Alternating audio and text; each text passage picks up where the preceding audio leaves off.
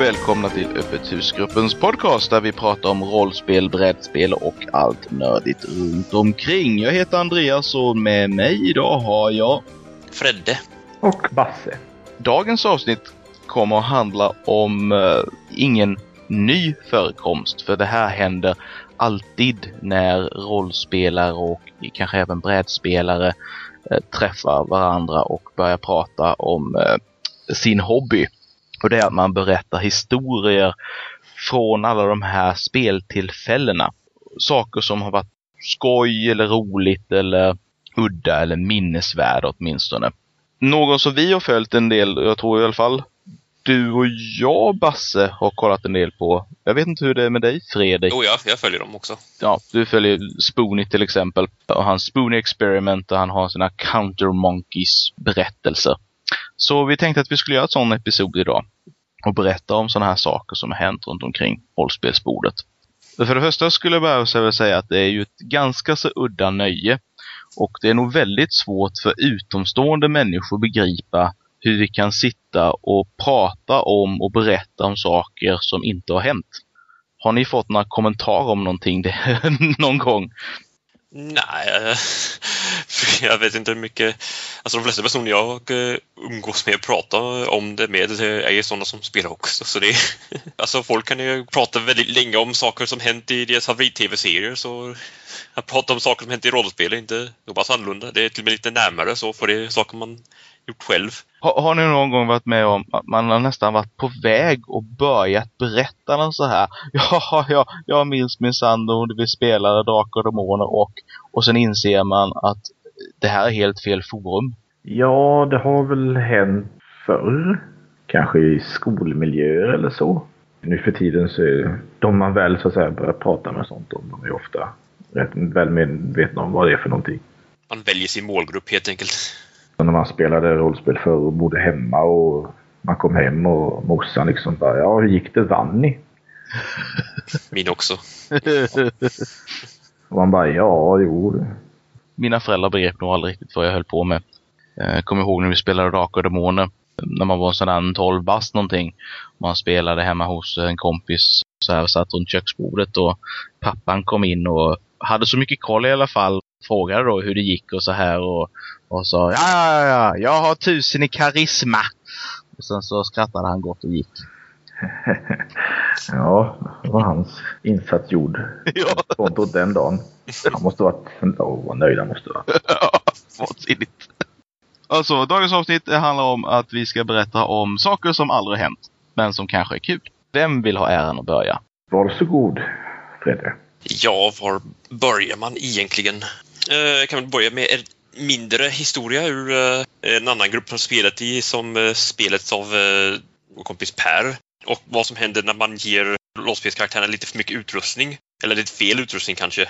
Ja, hans kampanj var väldigt mycket inspirerad av tv-spel och sånt så det var ofta ganska komplicerade dungeons alla Legend of Zelda och sånt. När han sa att vi skulle till en sån dungeon som råkade ligga på botten av en sjö så eh, tänkte vi det här kommer att bli ett helvete att ta sig igenom.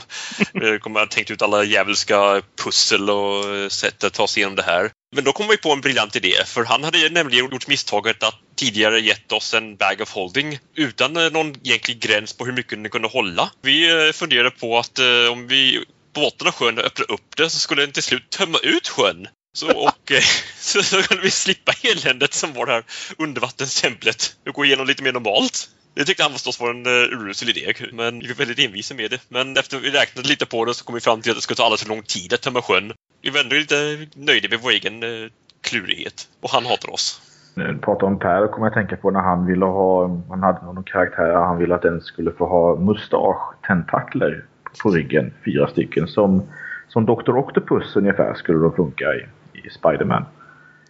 Och då var jag spelledare och då tänkte jag då, de skulle vara ganska användbara Fast det var liksom mustaschtentakler. Eh, men då vill jag ge dem en, eh, alltså en motsvarande problem eller svaghet med dem. Och då bestämde jag att, eh, eller lite i samråd, jag tror inte riktigt han förstod hur, hur komplicerat det kunde bli. Men de där tentaklerna levde och åt bara levande spädbarn. Vilket förstås ställde till det en del. Just Per hade mycket idéer och inspirationer från serier och tv-spel. Den första riktiga kampanjen som jag spelade med ett riktigt rollspel som jag hade gått till en affär och köpt och jag hade köpt äventyret sådär. Det var Stormbringer. Eller då hette det Elric. Och det är Basic Role Playing system. Då gjorde man ju alla sina här misstag och hade dålig koll på vad som var bra och vad som var, vad som var dåligt och det blev mycket sådana här saker som exploderade i ansiktet på en när man insåg att fan, jag skulle inte ha låtit dem göra det här. Men eh, dessutom så hade jag ju den eh, nackdelen att spela med människor som var betydligt äldre än mig själv. Jag var 16-17 bast och eh, de var sådär, ja, kanske en 10 år äldre än mig. Så det blev lite så här spännande situationer. Men de jag spelade ihop det med var Roger, Mats, som jag har nämnt tidigare, och sen också Tommy. Tommy han, han, han lusläste reglerna och insåg att det här systemet eh, är det ju ingen idé att försöka smyga igång en karaktär utan det gäller ju maxa karaktären från början. Eh, så han powergamade och rådde alla andra att powergama. Mats kunde ju inte göra några normala karaktärer så att han, han bestämde sig, han tittade ju på utrustningslistan och så bestämde han sig för att nej, nej, men jag, min specialitet ska vara att göra eh, eh gifter. Och då finns det en skill som heter potions. Uh, det betyder egentligen att du är väldigt duktig på att göra just potions. Men om du inte då har motsvarande färdighet i natural world, tror jag det heter, så vet du inte, så kan du aldrig hitta och identifiera några växter ute i skogen som du kan använda till att göra potions med. Så han var väldigt duktig på att göra potions bara någon gav honom rätt ingredienser. Uh, och till detta så bestämde sig också att han skulle ha med sig en stor jäkla kittel. Eh, och sen hade han pengar över så då köpte han ett på handfängsel också. Sen var hans karaktär komplett. Sen då så, så spelar de ett äventyr där de kommer till en stad där det finns en bad vars berättelser blir till verklighet dagen efter. Så de blir inblandade i det här och får då reda på att eh, det finns en bok i, en, i ett bibliotek som lider, ligger på andra sidan havet. Så att de beger sig för att leta reda på den här. De här tre smågangstrarna, de skapade ett spår utav mord och förödelse. Och en av de riktigt klassiska som jag minns än idag, det är när de till slut har kidnappat själva bibliotekarien på det här jäkla biblioteket. Släpat ner honom i någon slags källare eller någonting i den stilen. Och bestämmer sig för att förhöra honom. De har bundit fast honom, satt honom vid stolen och allting och sen sitter han där och så säger Roger, ja nej men alltså börjar du inte berätta nu så räknar jag till tio på fingrarna. Varpå jag säger, ja ja men jag, jag svarar inte. Och då svarar Roger, nej nej nej, nej, jag räknar inte mina fingrar. Jag räknar dina. Jag har precis klippt av ett finger från honom. Det satte saker och ting i lite annat ljus så att han berättade rätt mycket sen kan jag säga. sen så så bestämde de sig då för att när de väl har stulit den här boken och inser att larmet går och de försöker ta sig iväg så eh, är det någon av dem som har snilleblixten att eh, nej men vi, vi fjuttar eld på det här stallet vi är i. Så får folk runt omkring eh, lite annat att tänka på. Så att det gör de och beger sig iväg och jag slår lite slumpade slag och kommer fram till att hela att det mesta börjar ta fyr. Och eh, det slutar med att jag beskriver att de står uppe på en kulle, sitter på sina hästar, de har boken med sig och tittar ner över den här gamla uråldriga staden och det här biblioteket som innehåller hela världens samlade skrivna verk om hur saker och ting funkar och allting sånt där. En fantastisk kulturskatt. Och de ser hur hela staden brinner upp. Mm. Så kan det gå. Good day's work. du nämnde ja, när man började spela och när man var lite oerfaren sådär. Det var jag också eh, minnen av och eh, de misstag man kan göra. Bland annat eh, vill jag minnas i början att jag var alldeles för generös med mina, för, för mina spelare. Så de eh, blev dels eh, ganska så starka eh, mot det mesta som de mötte mot slutet av kampanjen och dels absurt rika. I synnerhet en karaktär vi hade i den första gruppen som spelade en dvärg och eh, den här dvärgen gav eh, sedan upphov till det, ja, det, som, det blev en trope i princip på hur dvärgar var i våra rollspel. Eh, de var löjligt snåla och deras två främsta catchphrases var nej och vad får jag för det?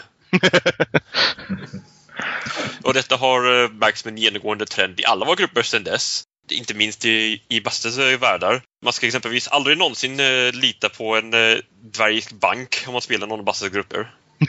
Okay. För då kommer svaret ofta vara att eh, nej, vad får jag för att ge dig dina pengar? Det är så här, direkt ränta och intresseränta så då, när man ska göra ett uttag eller? Ungefär så liksom. Nej, vilka pengar? och en gång hade vi oturen att vi var tvungna att resa med båt så hann vi på en eh, båt full med uteslutande dvärgar. Som alla var på det här viset. Lyckligtvis i den kampanjen så spelade jag en hyperond karaktär. En, eh, ja, en magiker vid namn Tyr som specialiserar sig på luftmagi och eh, blixtar och liknande. Så eh, efter att han fick nog av de här dvärgarna så eh, bestämde han sig helt enkelt för att eh, plantera ett, en sigill och sånt besvärjelse som utlöses vid en specifik kommando vid eh, skeppet Skruthunner med en ganska kraftig blixt som skulle utlösas vid solnedgången. Vilket han skådar han eh, vackert på tryggt avstånd i en liten livbåt. Den gången dvärgar flög i luften. Tillsammans med gruppens spelarkaraktärer som vi tyckte var också lite enerverande. Det kan vara roligt att spela onda karaktärer ibland. I synnerhet i Basses grupper, för det brukar inte löna sig att vara god där. inte så att det lönar sig att vara ond heller, men det är i alla fall lite belöning i sig. Ja. Jag är ändå inne på, jag har en... Den med det här när man började spela som jag nu när jag har försökt rannsaka mina eh, minnen. När vi spelade för länge sedan jag började spela MUTANT. Det var det var en spelare som inte riktigt eh, greppade det här med att skilja på karaktären och sig själv. Och vad karaktären och man själv vet om. Mm. Eh, vi spelade MUTANT som sagt. Han var en eh, human. Jag tror han var mercenary. Men jag, jag, jag tror han var det. Han hade i alla fall då lyckats. Vi hade också en sån här snäll spelledare i början. Så han hade samlat på sig en hel del eh, stash. Alltså han hade en, en undangömd stash på ett ställe med massa så här häftiga prylar och en del pengar. Mm. Han hade massa skills den här karaktären. Han hade, han hade riggat hela stället så här, med massa larm och massa så här fällor. Han var väldigt paranoid över sitt, sitt skit helt enkelt. eh, sen efter då ett antal månader, så, ja, lite sådär. Vi andra blev lite mer vana och spelledaren blev lite mer så här van att spelleda. Men han var fortfarande så här, bara ah, samla grejer, samla grejer. Så gick den här karaktären och dog. Kommer inte riktigt ihåg hur, men han dog i någon, någon eldstrid. Och den här spelaren då, han bara Nej, vad fan, vad fan. Ja, ja, ja men, ja, men ja, jag gör en ny. Och så gjorde han en, en annan ny människa då. Eh, mm. Också mercenary. Och så då det första bara, ja jag ska tillbaka mina grejer. Uh, och spelarna bara, ja men det är ju inte, det är ju inte dina grejer. Det var ju din förra karaktärs saker. Ja men jag måste dit och hämta allting. Ja, okej. Okay. För typ gruppen visste var det här var någonstans på ett ungefär. Mm. Så han gick ju dit då och så bara, ja jag går in här och uh, kollar så allt är kvar. Spelaren så bara, jaha, du går in. Ja, ja, du utlöser en fälla. så han, dels hade han ju inte... Han började protestera då, den här spelaren. Ja. Eh, givetvis. Men eh, då var spelaren faktiskt så van och så... Eh, måste man ge lite credit till så här. Vi var inte så väldigt gamla men han var så här, nej du sa ingenting om att du letade efter fällor och din nya karaktär är inte i närheten av så bra på att göra fällor som din förra karaktär var. Och dessutom vet inte din nya karaktär vad din gamla karaktär har gjort av fällorna och var larmet finns eller någonting. Så du utlöser den här fällan och du dog. För det var en sån här riktig jävla jättefälla. Okej. Okay. Sen vill inte den killen spela mer. Mm, konstigt. Nej, jag har inte varit med om det själv, men hur, hur folk så här helt plötsligt. Men jag samlar de här och de här och de här och de här och de här prylarna. Och så, så börjar man märka så okej, okay, nu ska det här göras svartkrut. Mm. Hur kan du veta att du ska ha alla de här grejerna? Ja, jo, ja, jag, vet det. Det vet du inte. Och särskilt då ju speciellt i eh, fantasymiljö. Eller jag har haft spelare som dessutom säger så här. Okej, okay, jag tar den här kniven och så, så tar jag två fingrar och håller det precis exakt där. Och så här och så, så kastar jag. Ja, hur, exakt vet du hur du ska ta fram balansen i en kniv för att kasta den när du typ är bibliotekarie? Mm. Mm. Eller? Som luckroll. Som luckroll, ja Och sen slår vi en eh, D8 om du misslyckas med din luckroll. Ja, får vi se vart den tar vägen. ja, det känner vi igen det där allihopa tror jag. Det där eh, spelare som spelar rollspel för att vinna, så mm. att säga. Exempelvis den uh, ursprungliga dvärgen berättade om, uh, Dvärg Zero, som hade samlat på sig så mycket pengar att han i princip måste ha haft en gigantisk självmedveten pengasäck som bara liksom följde efter honom vart den än gick för det fanns inget annat sätt att han, han kunde transportera så mycket pengar. Han var ju verkligen sådär på nivån Jag vill att ni hjälper mig att rädda prinsessan. Nej, vad får jag för det? Ja, du får en, du får en belöning. Nej, jag får, får ta emot den belöningen då. Ett, en nivå till hela tiden. jo. Det, fick faktiskt, vi fick, fick, faktiskt det svaret en gång när det var en äh, gammal gumma som skulle bjuda in er på lite te. Nej, vad får jag för det? Men på tal om dvärga minns jag klart och tydligt eh, klanen Wellhang. Och nu, nu kommer vi in på verkligen så här betalt eh, så här college-humor. Eh, det var ju, det, det, är faktiskt den senaste Dungeons and Dragons-kampanjen vi spelade. Det var jag och, och Tommy som spelade. Allting naturligtvis är Basses fel. För det började med att du tog med dig någon sån här husregel eller högst personlig regel. Med att, nej, nej, nej. Det var en husregel. Det var en husregel. Ja. Att du skulle slå fram en karaktärs libido och sexuella preferens. Ja. ja. Och det är Freddes fel. Jag tror inte att det var jag som kom på det först. Jag tänker inte ta på mig skulden för den. Den bara liksom växte fram någonstans ur uh, många uh, omogna hjärnor. Låt oss säga så här då. Det kommer ifrån Freddes husregler. Fair enough. Vilket fall som helst. Om jag, du får rätta mig om jag har fel nu, Basse. Och Fred också. Så som jag kommer ihåg dem så slår du en, du slår en T20. Mm. Slog du en T20 eller slog du två T20? Du slog, du slog två T20. Eh, och det var den andra som räknades någonstans i historiens dimmer finns det en orsak till det där. Men det var alltid... Jag tror att det var så där när vi började med det så visade det sig att det andra slaget var alltid mer intressant. Det första slaget var alltid tråkigt. Ah, okej. Okay. så du slog en, en T20 och den var bara för test. Och sen slog du en T20 till och då var det väl... Var det ju lägre desto högre libido? Ja, lägre desto högre libido och i närmare 20 år desto eh, mera tendenser mot det, det egna könet. Just det. Det började du med när vi skulle skapa våra karaktärer inför den här kampanjen i alla fall, eller om det var innan dess. Och eh, så mogna och, och, vuxna som vi är så eh, tror jag det var vi som kom fram till tilläggsregeln att då måste vi också mäta era längder på vissa väl valda organ. Mm. Eh, och då, då valde vi en den eh, sällan använda T12 och bestämde oss att det skulle vara inches. Uh, så du slog fram uh, då din dvärg Snyggve Surguld. Ja, som... han, han, han hette bara Snyggve Surguld från början, ja. Han hette bara Snyggve Surguld från början, ja. Det är helt rätt. Han, det, ja, mer om det hur, hur själva relationen i den här familjen egentligen var. Men om jag inte minns mig helt fel så fick, slog du fram ganska så hög, alltså du fick ganska så hög libido. Mm. Och du, det spelade inte sådär väldigt stor roll om med vad. Nej, jag för mig att han var lite sådär.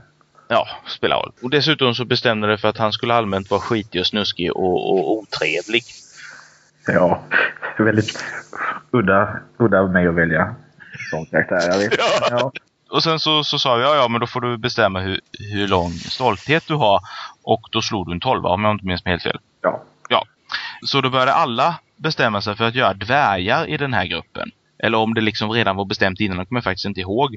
Och alla började slå de här slagen under Basses överinsyn och eh, regeltolkning.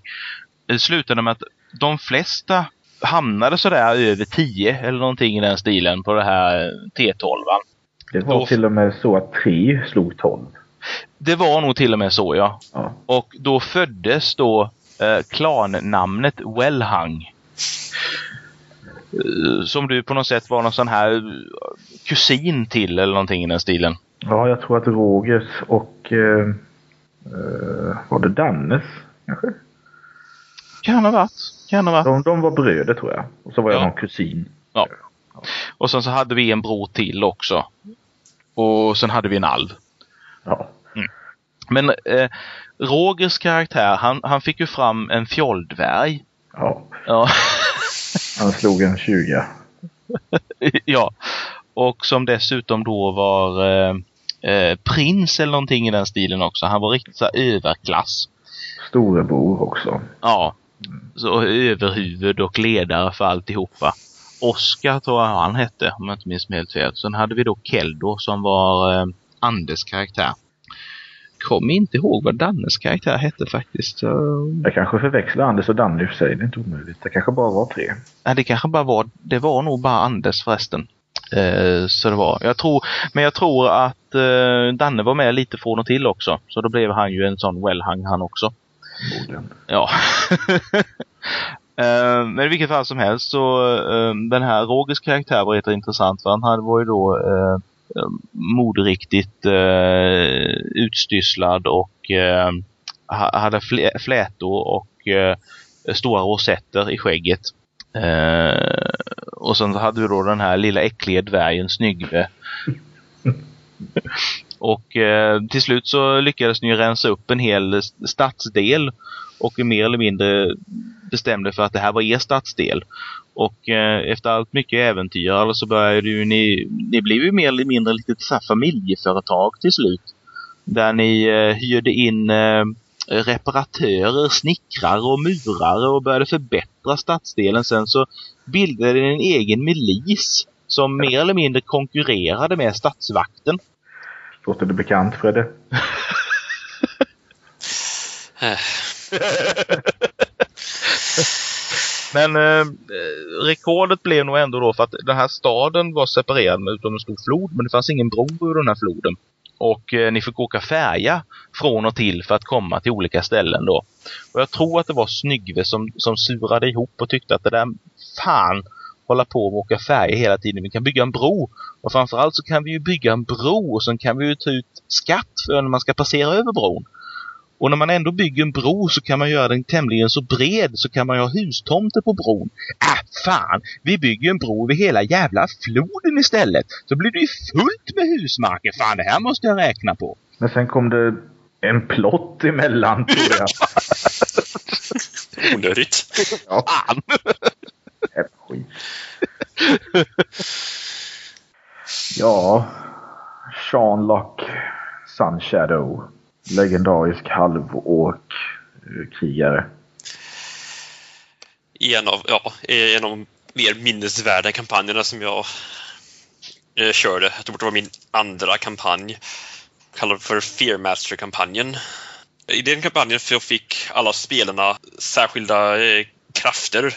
Alltså särskilda rustningar. De kunde typ förvandlas in i, i princip som en eh, Sentai, som Power Ranger eller, eller rent av Sailor Moon.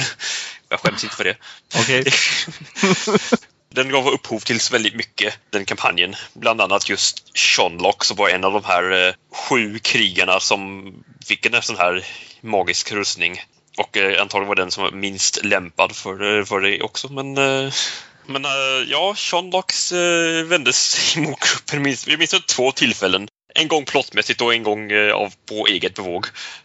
Första gången var när de höll på att samla ihop de här eh, tecknarna som gav de här magiska. Så det var han som givetvis eh, var den som blev utvald att vara en, en skurk ett tag. Så att han fick planera mot spelarna under tiden medan de försökte ta sig fram till honom. Vilket givetvis passade Basse bra. Jag tror att det var den bästa personen för den rollen faktiskt. Så mycket jävelskap som möjligt för gruppen. Och eh, även eh, i senare tillfälle när han eh, av ja, fri vilja skapade en egen armé av orker. Det hittade de papperna som eh, han hade skrivit om det. Han hade skrivit en väldigt utförligt eh, planerad plan kring sin lilla armé. Hur den skulle finansieras och hur de skulle gå till att rekrytera. De började med fyra orker som han hade övertalat på något vis eller räddat, fångat, jag kommer inte ihåg vad fyra orker som han döpte till eh, Knatte, Fnatte, Chatte och Lucifer. Gav dem väldigt tydliga order om hur de skulle börja rekrytera andra orker och börja ja, tjäna, sno pengar eh, som de ska ha som lön och samtidigt starta upp en stor eh, religion som dyrkar den stora Shonlock. Ja, upphöja honom till någon sorts halvgud i deras ögon den planen lyckades förvånansvärt bra. Jag, tror att den armén kom upp i över tusen soldater i alla fall innan den utplånades av en uh, särskilt mäktig NPC. Uh. Eh. en av tankarna var att slå till mot rollspelsgruppen. Ja, okay. En armén skulle även bygga ett fort en bra bit in i en skog där utanför en av byarna som jag hade hittat de här åkerna i tror jag. Eh, de skulle luras ut i skogen och sen skulle helt enkelt min åkarmed förgöra dem och så skulle jag ta alla deras grejer. Och så skulle jag ha ryggen fri och kunna göra vad jag ville och slippa de där klantarna. Ja, gruppen var ganska dissonant kan jag säga, rent överlag. ja, jag tror till och med en, var inte Pers karaktär med på mitt spår? ja, han var, han var nog eh, delkonspiratör vid, vid vissa tillfälligt. jag fattar inte varför, för han hade varit nästa offer direkt, givetvis. Han spelade en karaktär som var eh, kaotisk personifierad så eh, kunde byta åsikter från en eh, minut till nästa om vad som helst. Så. Men ja, den kampanjen eh, var eh, speciell. Alltså det var resor mellan planen och det var insamling av de här magiska tecknen och tillhörande legendariska vapen till dem och eh, speciella karaktärer. Gav också upphov till eh, en av mina eh, halv self-insert karaktärer som jag styrde som spelare som hette Bexrath. Och han var en karaktär som de stötte på nästan varje kampanj. Inte riktigt varje, men nästan. Och eh, efter den här kampanjen ofta som skurk. Jag ska se om jag kan dra eh, Bexraths historia här. Han gick med den första gruppen som vi spelade. Som bara hjälpte dem. Sen mellan kampanjer där, för alla mina kampanjer har en röd tråd, brukar ofta vara samma värld eller åtminstone någonting mm. som sammanlänkar dem. Eh, så mellan kampanj 1 och 2 så dödade han hela första gruppen offscreen. och tog en annan identitet. Och joinade sedan den här andra gruppen. Han var visserligen eh, allierad med dem under hela den här fyrmässiga kampanjen. Som eh, dock slutade med att de här gruppen med krigare, ja, spelare, blev så pass mäktiga att det i princip inte var någon som kunde stå upp mot dem så de i princip tog över världen och styrde den med järnhand.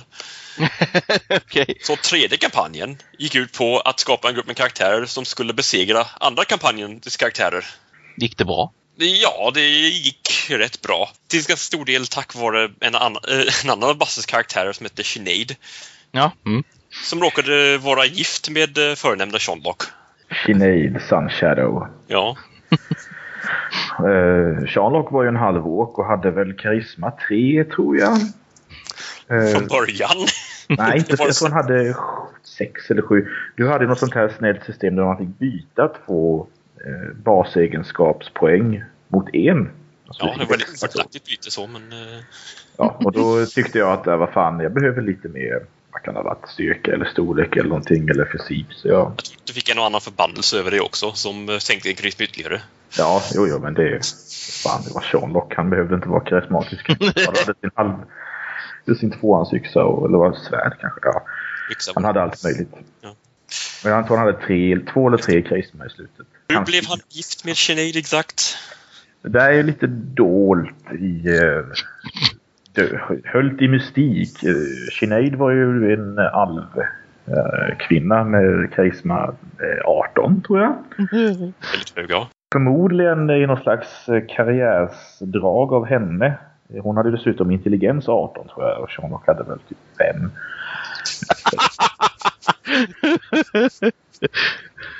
Okej. Okay. På något vis där så bara att ha efternamnet Sunshadow var väl kanske inte alltid en, jättefördel. För jag minns vid det något tillfälle där någon, på något torg eller vid någon folksamling så var det någon som kallade henne vid hennes fulla namn. Det här var ju under tredje kampanjen då när Ja. eh, Shanlock var en av de som styrde världen med järnhand och var allmänt hatad. Nästa kämpe, Sinead Sunshadow. Och hela publiken reagerar förstås på det. Sunshadow? Och min karaktär ljög och sa Not related. Men Sinead var ändå rätt instrumental i att besegra dem. För uh, Sinead var nämligen nekromantiker och kunde en uh, besvärjelse som hette dödslänk. Som gjorde att all skada som uh, skulle tillfalla henne istället drabbade målet. Mm. Det var en typ av besvärjelse vi kom på efterhand var fullkomligt broken och uh, har nerfat sedan dess. Men uh, grejen var att när ni, de, de flesta av de här Fearmaster-typerna var ändå inte överdrivet eh, kompetenta så. eh, Utan det slutade alltid med att de fick stryk och då dök eh, det här eh, Beckstrath upp. Han tyckte också att de andra var klåpare men tänkte ändå att eh, de hjälpte honom att ha makt så de försökte skydda honom bäst det gick så han eh, kastade någon ärkehög eh, det var besvärjelse mot er. Problemet var bara Sinead som eh, kastat den här dödslänk på den som höll på att slogs mot tillfället. Så hon bara liksom skuttade emellan i riktlinjen för besvärjelsen. Ja, då utplånades den som eh, försökte skydda istället. För han tog all skada som hon skulle ha fått istället. Hon dansade bokstavligen framför hans eh, line of fire. Ja. typ effektgrad 7 besvärjelse rätt ner. Och han bara NEJ! Jag tror att han föll för detta minst två gånger. Ja, han var också en klåpare. Egentligen ja. Och jag vill minnas att han var den sista som ni skulle besegra också. Och när ni eh, tog er upp i det stora tornet, för givetvis så har han ett torn, kommer ni äntligen fram och står öga mot öga mot Bexrath sekreterare. som undrar ifall ni bokar tid. Ja, och det hade vi inte. Det var en fin liten eh, oväntad twist som man kommer upptäcka. Klart han behöver en sekreterare, det är inte enkelt att styra världen. Han kom visserligen undan dock eh, i den kampanjen och eh, flydde till en annan värld där han la det här med världsherravälde på is eftersom det var alldeles för jobbigt. Och bara blev någon eh, i skummakten bakom tronen och styrde någon kung i lite rike någonstans istället. Jag gillar också det här hur, hur gruppen anammade lite Bexrath-karaktären. Eh, för han blev ju till slut designad på ett sätt som du inte alls hade avsett. Nej, det, det skyller jag fullt på Björn för. Du, hade ju, du sa ju att han, eh, han var ju blind, eh, Bexrath. I alla fall ifrån andra kampanjen och framåt, ja. Ja. Och jag tror du föreställer honom med någon slags ögonbindel och sen så ska han ha eh, kåpa och långt hår, tror jag. Nej, han hade, eh, jag beskrev honom som, han hade tomma ögon, bara viter. Eh, och eh, dessutom ska jag att han hade blont hår och eh, mustasch. Det är i princip det enda jag sa. Och det utvecklades. Av någon anledning i någon teckning så eh, fick han nämligen en pottfrisyr. Väldigt kraftig sån här eh, handlebar mustasch. Och eh, den karaktärsdesignen fastnade sedan för all framtid. Vilket gjorde en aningen svårt att göra honom intimiderande någonsin igen. ja. Per spelade någon dragoon som heter Kane. Han blev ju någon smurfblå variant av Buzz Lightyear i princip. Alltså, En annan eh, NPC som jag hade i Fearmaster-kampanjen eh, var en som hette Osis. Åh nej. Osis var en speciell karaktär. För han hade gjort något, jag kommer inte ihåg vad, men jag, eh, jag tror att han hade på något vis förargat eh, guden Nerul, eh, dödens gud, ganska rejält. Och eh, fått en eh, mindre förbannelse över sig. Den här förbannelsen gick ut på eh, två saker. Dels att vara odödlig, att eh, kunna eh, leva igenom precis allting. Och eh, dels att jämt och ständigt eh, ha oturen att råka ut för ganska groteska dödsfall. Om det fanns något sätt som han kunde ha sig ihjäl på, på ett uh, splattigt vis så skulle det antagligen uh, hända. Värsta uh, Final Destination-metoder och liknande. Och detta fick han uh, leva med ganska länge. Och kom faktiskt till nytta för den här karaktären vid ett tillfälle. För eh, det var när de var i något strid vid en magikertorn som höll på att eh, ras rasera. Eh, de hade förstört någon magisk pytteliten som höll på att, förintas. Och de hade den här Osis med sig. Då märkte en av karaktärerna att uh, här tornet den ser misstänkt ut som att den håller på att falla rakt ner mot oss. Och att krossas av ett torn är inte så trevligt. Så hon tog tag i Osi som stod här som stod intill dem och slungade iväg honom en uh, 20 meter bort. Varpå tornet uh, på något vis vände i fallet. för att följa efter honom istället. och mosade honom uh, spektakulärt. Vilket han sedan fick återformas från, som han brukar göra. Jag tror att han slutade sina dagar hos en grupp med eh, specialiserade vampyrer. Eh, högteknologiska vampyrer som eh, hade särskild utrustning för att suga ut kroppsvätskor ur sina offer. Och de tyckte väldigt mycket om honom eftersom hur mycket de än sög ut honom så, skulle, så återbildades han och så han fick vara deras födokälla länge. Också död. Det fanns en anledning till att den hette Osis egentligen. you don't say. Tja, det är lite svårt att uh, prata om minnesvärda saker utan att egentligen att nämna Enesin, eller hur Basse? Ja, jo egentligen. Okej, okay, vad är det här nu då? Enesin... Är det en av Basses uh, karaktärer? Nej, faktiskt inte. Oh. Uh, jag är en karaktär uh, en annan kompis till oss som heter Björn. Uh, Björn var nog med i Nybron vid något tillfälle tillsammans med mig um, för länge sedan. Mm. Uh, Ennesen började väldigt enkelt som en, uh, en magikerlärjunge. Uh, och uh, som lärjungar tenderar att vara väldigt naiv, väldigt klantig och väldigt destruktiv. Um, vilket uh, var lite surt för hans mästare som uh, råkade vara en eh, tiger. En eh, faktisk tiger som hade fått blivit förmänskligad, eh, fått mänsklig intelligens av, av magi. Ehm, den tigern fick uppleva mycket brännskador och liknande. Och även Sinead lärde sig att hata den här karaktären, Enesin. Jag vet inte hur många gånger jag har hört Basse säga Enesin! För han var ju ärkegod eh, som kontrast till Sineads rena ondska. Jag vet att vid åtminstone ett tillfälle så använde han en wish av en genie för att ge Sinead ett samvete. Mm. Oh, wow. Den var avancerad. Fullt skulle jag säga. I vilket fall, eh, han blev ganska så mäktig i eh, det var en eh, hemmaskapad magiskola som hette runmagi eh, dessutom.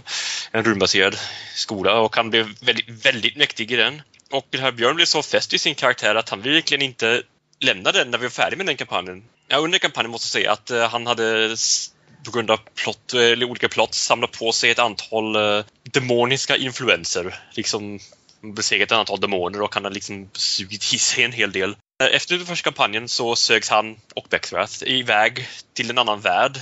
Och då vaknade Enesen här i en ny värld med eh, mystiska krafter. Vad han inte eh, visste var att hans fysiska kropp hade egentligen åkt till en, annan värld som var lite mer högre teknologiskt utvecklad. Och där han hade blivit någon väldigt farlig, mäktig demon som i princip lagt den världen i ruiner. Men någon del av sig själv hade typ astralprojicerat sig själv till här världen där själva kampanjen utspelar sig i. Den kampanjen gick ut på att i princip besegra Ennisons onda hälft. Bloodstone tror jag den kallades då. Vilket de eh, faktiskt gjorde. På något vis eh, så eh, fick Ennison en ny kropp efter det och eh, spelade faktiskt in en eh, tredje värld. Men efter slutet av den kampanjen så dog han eh, definitivt men ändå eh, återföddes i, i en ny kropp som barnunge med ett löfte av eh, Palor att eh, han kommer att leva ett fullkomligt normalt liv utan några som helst särskilda händelser i, eh, igen. Han kommer bara vara fullkomligt normal unge och person. Så eh, vi tänkte oss det att eh, efter den kampanjen så eh, ser vi något en unge som leker i en sandlåda och eh, någon mystisk kåpeklädd eh, typ som, säger, som kommer fram och försöker säga du, du är den utvalde, sen plötsligt träffas av blixten och desintegreras eller något sånt. Taylor says oh no you don't. NSM blev något av en mycket stor plot device. Till förtret för många andra som eh, kunde tycka att han var lite småstörande. Oftast Basses karaktär. Ja. Jag tackar så mycket för ikväll. Tack själv. Mm, tackar. Och hej då! Hej hej. Hej då.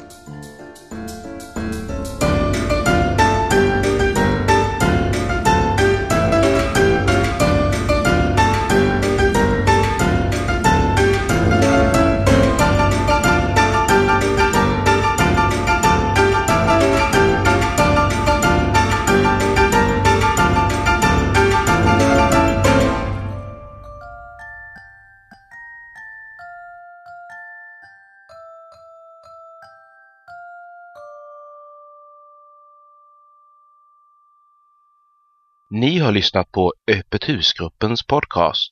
Besök oss på monsterworld.se för mer information och avsnittsnoteringar. Musiken ni har hört var The Canary av Kevin MacLeod.